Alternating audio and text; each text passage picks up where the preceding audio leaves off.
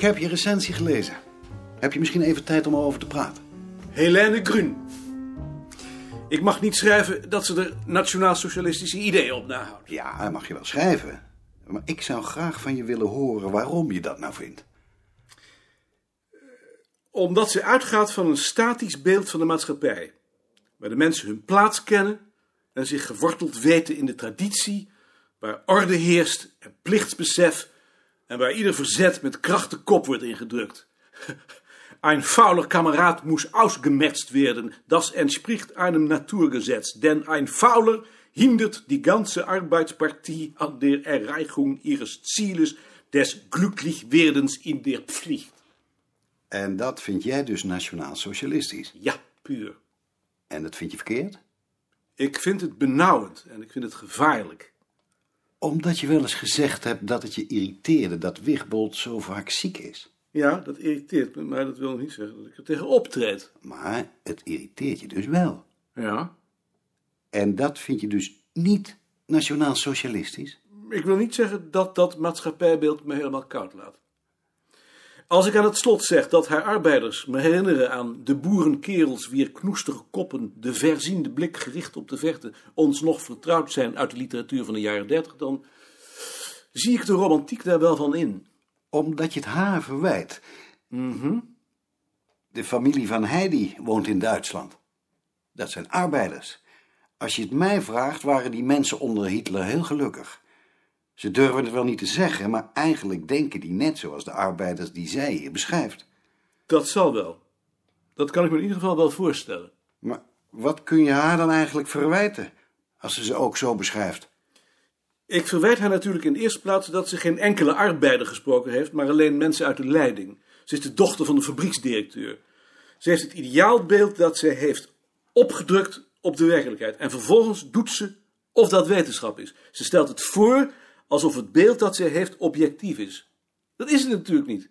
Als ze dat zou zeggen, als ze zou zeggen, ik wou dat de maatschappij er zo uitzag, maar dan moeten we wel iedereen die niet meedoet een kopje kleiner maken, dan zou ik, nee, dan zou ik ook zeggen dat het nationaal-socialistisch is, maar dan zou het me minder irriteren. Waarschijnlijk zou ik het dan alleen nog maar gevaarlijk vinden.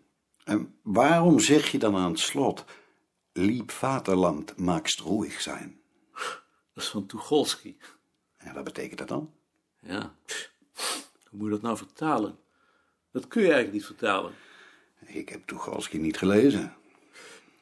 Sluit je ogen maar voor de werkelijkheid. De leider waakt. Oh, betekent het dat? En die behoefte heb jij dus niet om zulke mensen een kopje kleiner te maken? Ja, die heb ik ook. Maar het verschil is, in de eerste plaats, dat ik er niet aan toegeef. En in de tweede plaats, dat ik me niet beroep op de objectiviteit van de wetenschap. Dat irriteert me. Dankjewel. Tatütata, es wird so schön gewesen. Behüt dich Gott, es hat nicht sollen sein. Tjitske, ik heb je ontslagbrief nog niet gehad. Zeg je? Toen je hier kwam, zei je dat je ergens nooit langer dan vier jaar moest blijven. 1 januari ben je hier vier jaar. Ik blijf nog maar een beetje. Is Elsje er niet? Die is ziek. Dan mag ik maar beginnen. Ehm, ik heb juist vanochtend het bericht gekregen dat Pieters is overleden.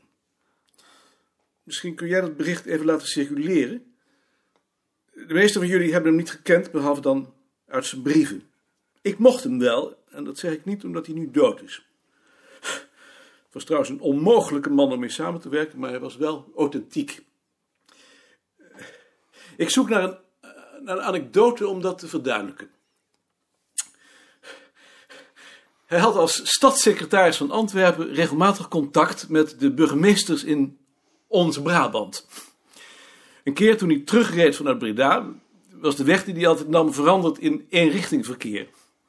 Zijn chauffeur maakte hem daarop opmerkzaam. Gewoon doorrijden, zei Pieters. Dat geldt niet voor ons. De chauffeur reed door. 100 meter verder, maar chaussee. Of je niet gezien had dat dit een weg voor eenrichtingsverkeer was. Dat heb ik gezien, zei Pieters. Maar dat is nooit zo geweest, daar heb ik niks mee te maken. Ik ben stadssecretaris van Antwerpen. Ik heb mijn chauffeur opdracht gegeven dat bord te negeren. De marechaussee toonde zich daar niet gevoelig voor, stadssecretaris of niet. Hij ging op de bon, Pieters ziedend. Zodra hij in Antwerpen terug was, ontbood hij de hoofdcommissaris van politie. Jan, zei hij, voor twaalf uur verbaliseert gij mij honderd Nederlanders vanwege het overtreden van de verkeersregels. Jawel, meneer de stadssecretaris. Om kwart over elf gaat de telefoon. De, de hoofdcommissaris van politie. Meneer de stadssecretaris, ik heb er 104. Dan nu stoppen. Was er ook niet iets met een bouwschandaal waarbij hij betrokken was? Ongetwijfeld. Ik heb eens aan de broekaire gevraagd waar ze het geld vandaan haalden voor die enorme maaltijden waarop we onthaald werden. Die boekte die af op het onderhoud van het Je museum. moet me niet kwalijk nemen, maar van zulke verhalen word ik nu kotsmisselijk. Ik vind niet dat je zo kunt praten over iemand die dood is en zich niet kan verweren. Ik vind dit de enige manier om iemand te herdenken als hij dood is. Maar ik dus niet. En ik verzoek je dringend om over te gaan tot de orde van de vergadering, anders zal ik me genoodzaakt zien deze kamer te verlaten. Dat was dus Pieters. Als iemand uit deze verhalen mocht opmaken dat ik niet op hem gesteld was, dan vergist hij zich.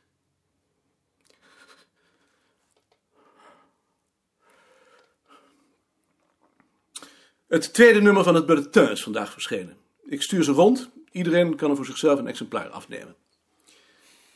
Dit nummer bevat dus de lezingen van het symposion. Voor het volgende nummer hebben we het artikel van Sien, dat intussen is rond geweest. Heeft iemand anders nog iets voor het volgende nummer? Ik wil wel iets theoretisch maken. Waarover?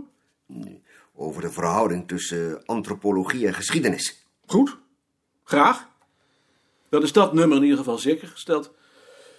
Voor het vierde nummer hebben we een artikel van mij over boerderijen. En ik was van plan Wiegel te vragen een scriptie over de geschiedenis van de etiketten aan ons af te staan. Ik heb die begeleid. Het is een goede scriptie. Ik zal er nog rondsturen. Ja, Bart? Kunnen we Wiegel dan niet beter meteen vragen om ook lid van de redactie te worden? Wiegel is al redacteur van het tijdschrift van het museum. Ik zou het toch wel prettig vinden als de redactie nog wat werd uitgebreid. Eh, waarom wou je dat dan, Bart? Omdat ik bang ben dat we anders nooit genoeg artikelen zullen krijgen om het tijdschrift te vullen. Maar het gaat toch goed zo? En toch ben ik daar bang voor. Wie deelt de zorgen van Bart? En als we nu de leden van de commissie eens zouden uitnodigen om in de redactie zitting te nemen? Dan zou die ook redactionele verantwoordelijkheid moeten dragen. Daar voel ik weinig voor. Die draag ik ook niet. Die kun je dragen, Bart. Steunt iemand het voorstel van Bart? Dan is het verworpen. De knopen worden losgemaakt en men is nu klaar voor het hijsen van de Surinaamse vlag. En dat gebeurt met tromperoffel. Heel langzaam gaat daar die vlag van Suriname met het groen, wit, rood, wit en groen omhoog. Er is geschreeuwd, er is gezongen en er is gehuild. En ook eh, onze premier Den Uyl huilde. Hier komt de Surinaamse politie. Hier in de Nieuwmarkt is het dan nu eh, losgebarsten. Er eh, zijn hier meer dan 300 politiemensen gehelpt met schilden zijn aangekomen. En eh, ik mag wel zeggen dat de confrontatie met de Nieuwmarktbewoners in volle gang is. Zeven minuten over tien, net voorbij Bijlen. De deur wordt met kracht opengeschoven. De loop van een geweer en van een stengden wijzen naar binnen. Er vallen schoten, hard en droog. Op de kolven zijn de kleuren van de Republiek der Zuid-Molukken geplakt. Rood, groen, wit en blauw. Ik vroeg aan een van hen, zijn er nog slachtoffers? Hij antwoordde met enige opwinding in zijn stem. De machinist wilde voor held spelen, hij is neergeschoten. Ik vroeg, moet er geen ambulance komen? Hij, hij is dood en ga nu zitten. Dit was 1975. Een selectie uit het nieuws zoals we dat in 1975 hebben gebracht.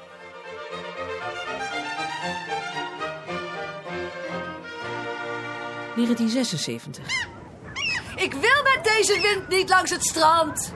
Hij wou wel langs het strand. Hoe vaak in je leven maak je zoiets mee? We zullen wel zien! Ze bleef achter hem praten. En toen hij niet meteen antwoordde, ging ze roepen. Over de wind, over het zand, over de stilte in de duinen en al die mensen op het strand. Hij reageerde soms. Soms deed hij of hij niets hoorde. Veilig opgeborgen in zijn capuchon. Bartel! Maar inwendig kookte hij van woede. Hij wilde niet praten. Hij had een bijna hysterische behoefte om in zichzelf verzonken over dat paadje tegen de wind in te worstelen. Alleen al de gedachte dat hij tegen de wind in schreeuwend terug zou moeten discussiëren maakte een bek af. Hij was moe. Hij voelde zich belazen. Maarten! Hij wilde volstrekt met rust gelaten worden. Waarom in godsnaam? Wat voor reden had hij om Nicolien dat kleine hoopje woorden kwalijk te nemen, terwijl ze over het algemeen zo weinig zei? Zelfinzicht geeft zelfbeheersing. En hij zweeg dus, een beetje nors misschien, maar hij werd niet kwaad, trad niet in discussie. Godzijdank. Maarten! Want toen ze na een lange omweg bij Parnassia het duin opklommen en de kolkende, kokende, schuimende zee op zich af zagen komen, bleek deze geen centimeter strand te hebben overgelaten. En jij wou nog wel langs het strand? Hij gunde haar die triomf. Als de natuur hem een halt toeriep, voelde hij geen spijt. Dat was dan weer zijn kracht, dacht hij. En hij hoopte dat hij haar nooit voor ernstiger zaken zou hoeven te gebruiken, maar dat het, als dat onverhoopt toch moest, inderdaad zijn kracht zou blijken te zijn. Zullen we op dat duin klimmen?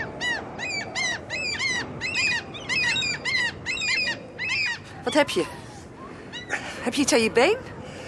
Ik heb een spier verrekt, denk ik. En je loopt zo gek. Doet ook verrekte pijn. Zeker op dat duin. Ik vond het ook wel idioot om met die storm dat duin op te klimmen.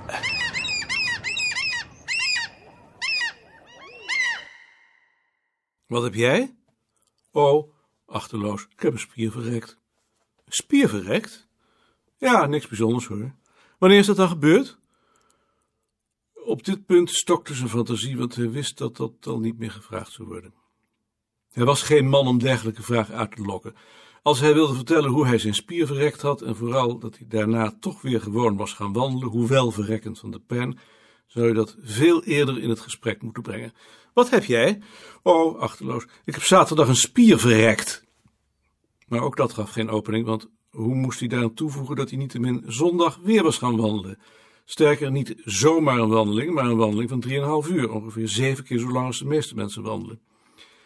Hij wrong zijn geest vertrouwd met dit soort acrobatiek en allerlei bochten, maar hij kwam er niet uit. De boodschap die hij brengen wilde was te ingewikkeld om tussen neus en lippen door als in het voorbijgaan te worden gebracht. Misschien dat dat hem tot inkeer bracht. Waar was hij mee bezig?